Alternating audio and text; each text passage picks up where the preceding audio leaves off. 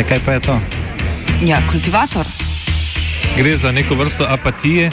To lahko reče samo kreten, noben drug. Socialni invalid in ga je ne mogoče urejati. Drugi kandidat. Pa, eh, pa pije, kadi, masturbira, vse kako ti človek počne. Nihče tega ne ve. Vsak petek skultiviramo dogodek tedna. Lahko po kriterijih radio študent, težko pa po evropskih kriterijih. Ampak na drug način, kot vi tu mislite. Kultivator vedno užge. da pač nekdo sploh omenja probleme, ki so, in da pravzaprav sploh nekdo sproži dogajanje uh, v družbi.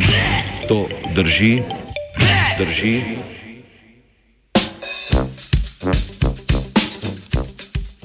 Panoramator 2020, part 2. Danes nadaljujemo s političnim pregledom leta, ki smo ga začeli prejšnji teden. Tokrat Balkan in Slovenija.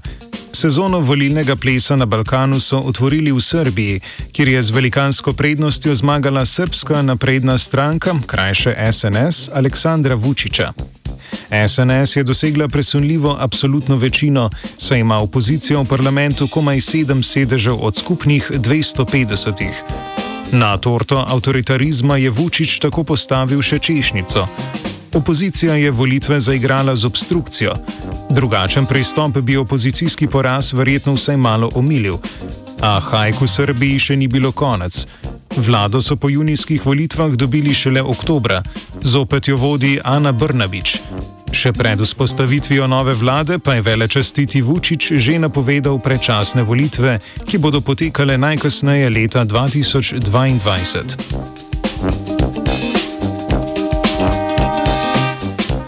Sledile so volitve na Hrvaškem. Tudi tukaj je slavila že vladajoča HDZ z Andrejem Plenkovičem na čelu.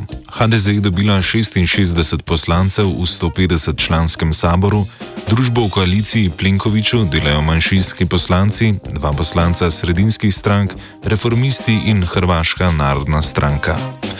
Glavna poraženka volitev pri naših južnih sosedih je zagotovo socialdemokratska stranka. Njen predsednik Davor Bernardič je po objavi volilnih izidov odstopil, stranko trenutno vodi Peđa Grbin. A to niso bile edine volitve na Hrvaškem letos. Že v začetku leta je predsednik države postal SDP-jevec Zoran Milanovič.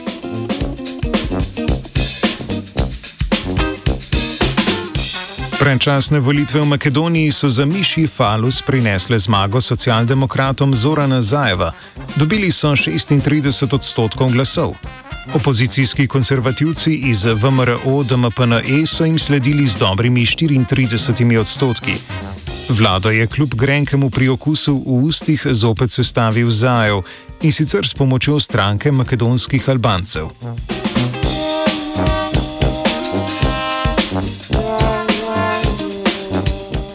V Črni gori pa je bil šok, o moj bog. Relativno zmago na volitvah je dosegla Demokratska stranka socialistov, krajše DPS, pod vodstvom predsednika države Mila Djukanoviča. Vseeno je bilo vlado pod vodstvom DPS nemogoče sestaviti. Glasov potencijalnih koalicijskih partnerjev je bilo premalo in prvič v treh desetletjih se je zgodilo, da Djukanoviča ali njegovih pudelčkov ne bo v vladi. Novi premijer je postal konzervativec Zdravko Krivokapič, vlado pa sestavljajo tri programsko raznolike liste: za prihodnost Črne Gore, Mir je naša nacija in Združena reformna akcija.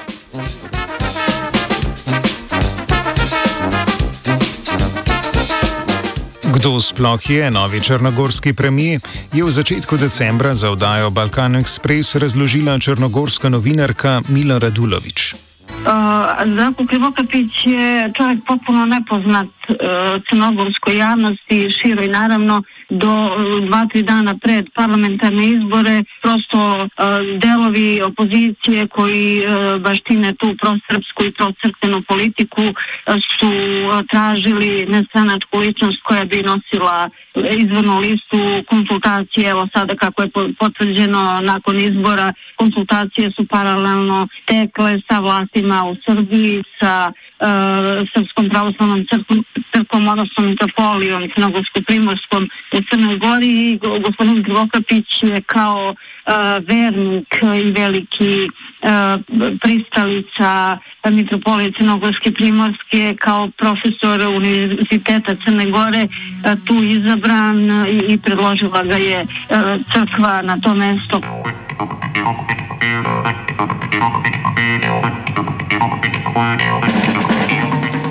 Na začetku leta smo bili priča koncu spodletelega eksperimenta manjšinske koalicije, ko je svoj odstop napovedal premijer in predsednik stranke LMŠ Marjan Šarec.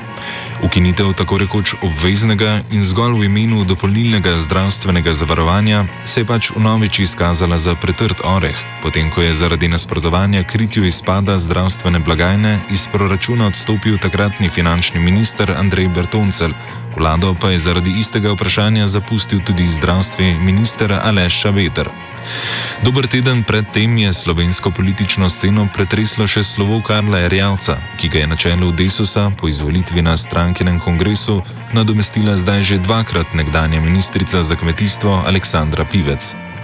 Nov obraz, novi jaz, se je stranka Desus ob boku z stranko SMC po padcu Šarčeve vlade znašla pod okriljem SDS-a in v družbi NSI v novo pečeni koaliciji. Slednje niso preprečili niti ubijanševski protesti pred poslopjema moderno-centraške in upokojenske stranke. Tekoče posle, upravljajoča Šarčeva vlada, je le za las ujela z italijanskih smočišč vračajoče se počitnikarje, ki so v Slovenijo prvi uvozili novo pečeni, čeprav na Daljnem vzhodu že poznani novi koronavirus. Ob slovesu je tako vlada razglasila epidemijo ter zaprla šole in vrtce.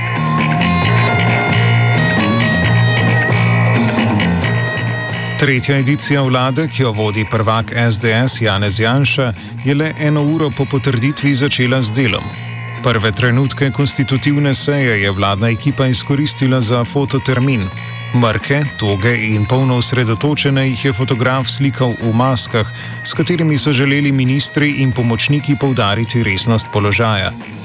Izvali so kvečemu posmeh na eni strani, pa tudi nekaj strahu na drugi. Na začetku se spodobi in je pravično, da se upravi nekaj kadrovskih zamenjav. Najprej so zamenjali vodstvo vojske in policije. Šefico policije Tatjano Bobnar je zamenjal Anton Trauner, načelnico generalštaba Alenko Ermenc pa Robert Glavaš. Za največjo kadrovsko bizarnost je spočetka sicer poskrbel kar premije sam. Državni sekretar za nacionalno varnost v njegovem kabinetu je postal kar mladi lovec, v prostem času pa študent obramboslovja Žan Mahnič. Generalni sekretar vlade je postal dr. Jusa Božo Predalič, v visoko politiko pa se je iz penzije na Tinskem vrnil takisto dr. Vinko Gorenak.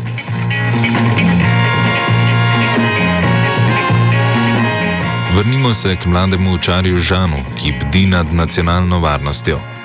Njegovo imenovanje je marca za kultivator komentiral profesor na fakulteti za varnostne vede Mariborske univerze Branko Lubnikar.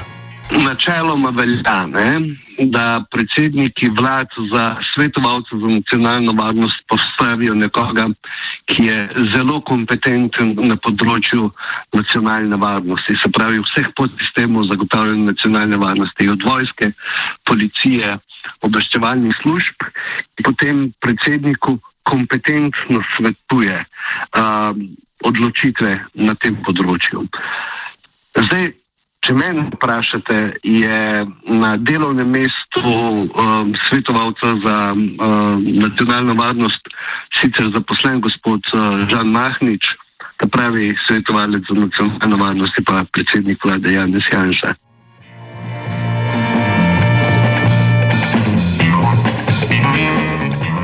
Obramni minister in predsednik NSI Matej Tonin je imel stvari v vojski relativno pod kontrolo. Glavaš je namreč še danes načelnik generalštaba, ga pa je predsednik republike Borut Pahor povišal v čin generalmajorja.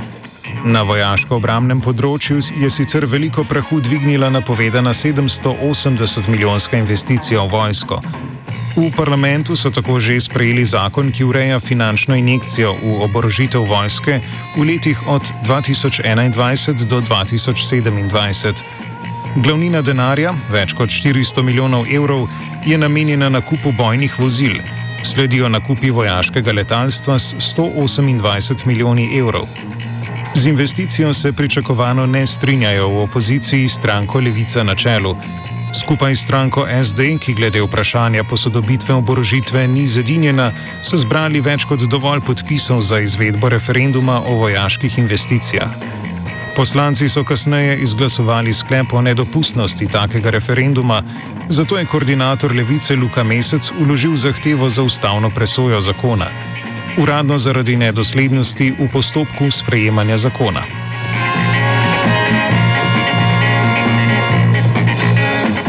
Vse drugače je bilo na notranjem ministrstvu.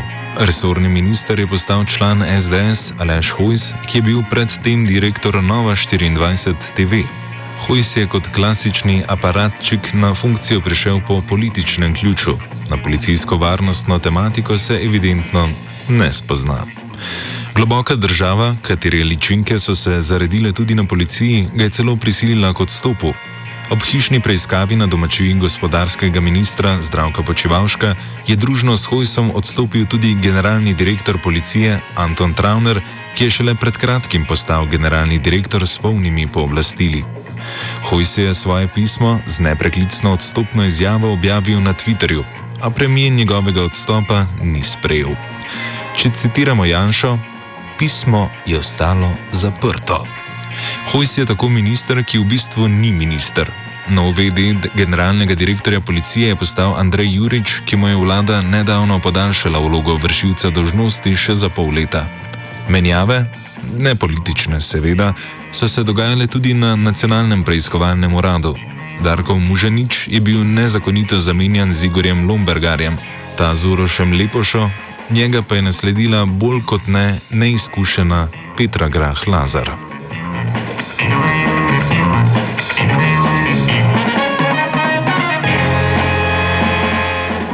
Po aprilskem razkritju spornih poslov pri nabavi zaščitne opreme v oddaji Tarča so se protivladni protesti preoblikovali iz tovčenja loncev na balkonih v In the Flash demonstracije na Trgu Republike. Policijsko popisovanje protestnikov, ki so pred parlamentom na tla lepili iz papirja izrezana stopala, je na pedale pognalo kolesarje, ki so svoje nestrinjanje s trenutno oblastjo izražali na petkovih vožnjah po cestah v bližini parlamenta in s kroženjem po trgu republike. Zaradi prepovedi zbiranja uradnih organizatorjev ni bilo, posledično pa so se protestov udeležile zelo različne skupine ljudi, od intelektualcev in mladih aktivistov do antivakserjev in nasprotnikov omrežja 5G.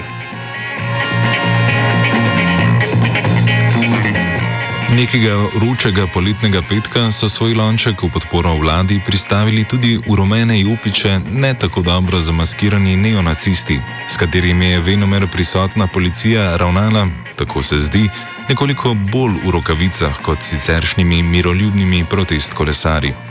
Bodi si zaradi njihovega majhnega števila, bodi si zaradi neuspešne maškarade, epizoda ni postila kakšnih daljnosežnih, pa tudi ne kratkosežnih posledic. Kljub večmesečnemu vsakotedenskemu pozivanju k odstopu vlade, na katerega je slednja odgovarjala z aktivacijo pehote, robokopov in ograjevanjem polovice trga republike, kar je zgolj pripomoglo k dajanju vtisa večje množice demonstrantov, kot jih je bilo dejansko prisotnih, kolesari niso dosegli ničesar oprijemljivega. S pojavom drugega vala in poostrenih omejitev gibanja se je število protestirajočih od oktobra precej zmanjšalo. 5. novembra pa slovenska ali mogoče raje ljubljanska javnost najbrž še nekaj časa ne bo pozabila, saj se je ta dan zgodila tako imenovana nasilna vstaja, pri čemer je policija uporabila vodni top in celo gumijaste naboje, strani zgrednikov pa je skupil tudi RTV-ov fotograf. Kolesarsko gibanje se je sicer že predtem oddaljilo od napovedi ustaje, še zdaj pa ni čisto jasno, kdo je za vsem skupaj sploh stal, če sploh kdo. Zaradi študence je s protestov živo javljal Jaka Virant.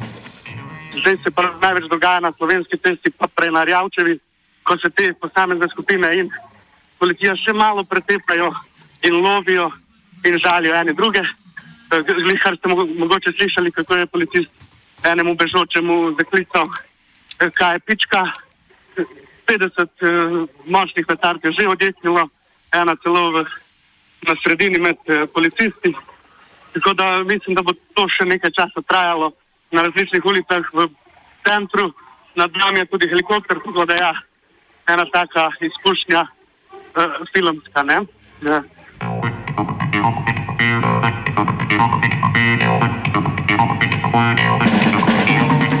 V zadnji četrtini leta je vladajoči klan postregel z zaustritvami že tako spornih ukrepov, ki naj bi omejili širjenje novega koronavirusa.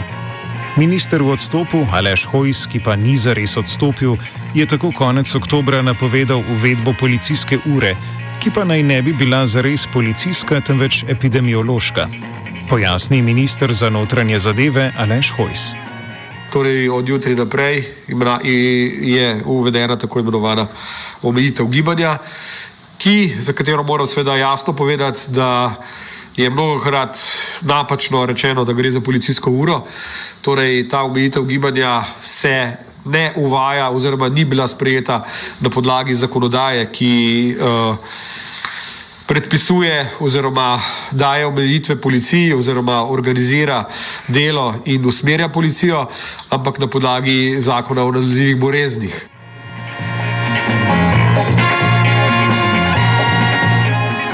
Ko je zato slišal skesani mlado ekonomist Jože P. Damjan, si je mislil, how very not cool in opozicijskim strankam pičal svojo idejo o novi koaliciji, cool koaliciji, ki bi P. remerjoval kar sam.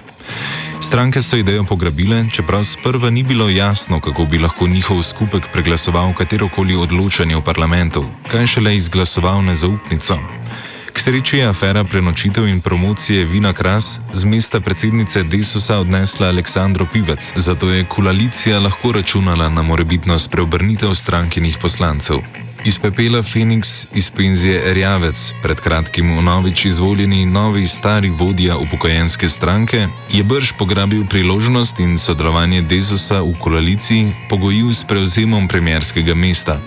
Prve napovedi o ložitvi nezaupnice do konca leta se niso uresničile, saj so zato potrebni glasovi stranke SMC, pri čemer pa je njen predsednik Zdravko Počevalšek vehementen zagovornik ostanka v trenutni vladi. Rjavcev kot kandidatu za mandatarja pa je zavrnil podporo tudi strankin svet.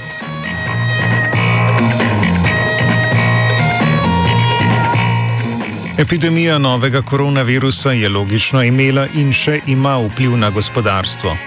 Vlada je takoj začela sestavljati mega zakon, ki bi uničujoče posledice epidemije vsaj malo omilil. Predtem je seveda vlada imenovala posebno strokovno skupino, ki se je lotila priprave ukrepov. Vodijo ljubitelj visokih dimnikov, ekonomist Matej Lahovnik, do sedaj pa je skupina koordinirala pripravo sedmih paketov pomoči vsem znanih PKP-jev. Ti ne vključujejo samo gospodarskih ukrepov, a povejmo nekaj o njih. PKP-1, prvi in največji, vreden približno 3 milijarde evrov, je prinesel izredno pomoč v obliki temeljnega dohodka za zaposlene, seveda v skladu z določenimi pogoji, in povračilo denarnega nadomestila za delavce na čakanju na delo. PKP-2 je povečal krok upravičencev do povračila izplačanih nadomestil in uvedel temeljni mesečni dohodek za samozaposlene. Hkrati je prinesel še enkratni solidarnostni dodatek za posamezne družbene skupine, tudi za študente. Tretji protikoronski paket sredine maja je počastil počivalškov turistični kolhos. Uvedel je namreč 200 evrske bone za hotele in druge podobne nastanitve. Sprva je bila predvidena veljavnost do konca leta, kasneje ga je vlada podaljšala še v prihodnje leto. Preskočimo na šesti paket, ki je podaljšal ukrep delnega subvencioniranja skrajšanega polnega delovnega časa do konca junija 2021. Konec leta je prinesel PKP 7, ki je sprva predvideval pogojevanje finančne pomoči z upoštevanjem vladnih odlokov. Leks krvavec je kasneje padel v vodo. Vlada je iz proračuna konec leta zopet delila finančne bombončke posameznim skupinam prebivalstva, verjetno s ciljem kupovanja glasov na volitvah. Pomoč so prejeli tudi duhovniki. Ja, je že res, da je predsednik vlade globoko veren možakar. Ne, sej ne.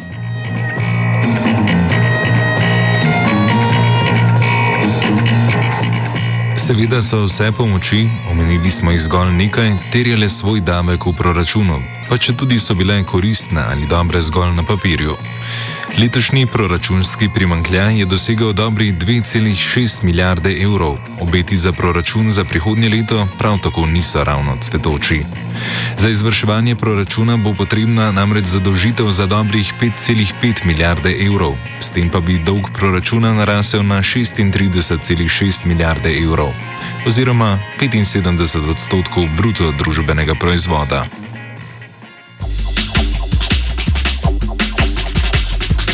Bolje je šlo leto k koncu, več bizarnosti se je dogajalo v naši prelepi deželici sonca in grozdja. V Rogaški Slatini so decembra izpeljali referendum o postavitvi nekaj več kot 100 metrov visokega stolpa. Tradicija steklarstva je odgovorna za njegovo ime, to bo stolp Kristal. Volilna udeležba je bila 39 odstotna, glasovalo je 3840 občanov Slatne, od teh 56 odstotkov za postavitev tega ogromnega bisera. Tik pred zaključkom leta pa so se v Radencih o preimenovanju Titove ceste v cesto osamosvojitve Slovenije zopet pogovarjali občinski svetniki in izglasovali preimenovanje, rekši, da se to ob 30. obletnici plebiscita spodobi. Morda res, a nekateri občani kljub svetniški odločitvi želijo na referendum o preimenovanju. Ali jim bo ustašofil Roman Leljak prisluhnil, bo pokazal čas.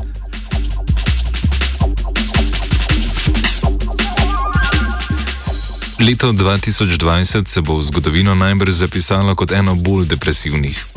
Kaj storiti? Prisluhnimo odstopljenemu državnemu sekretarju Francu Brezniku, ki pojasni, kako se je njegovo življenje spremenilo, potem ko so ga policisti zasačili pri vožnji pod vplivom alkohola.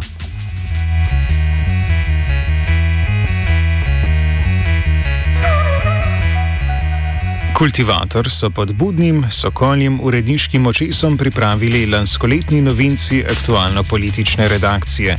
Tehniciral je Linč, brala sva Lauro in Rasto.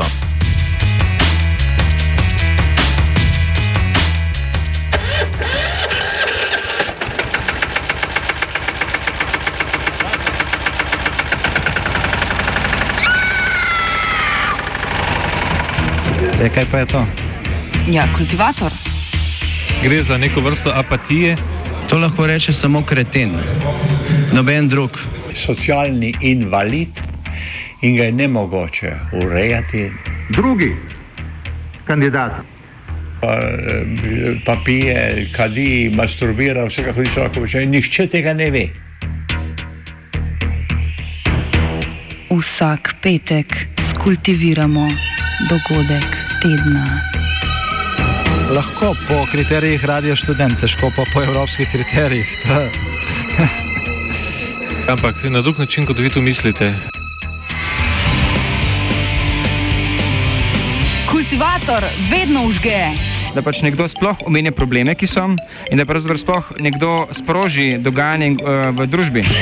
To drži, drži.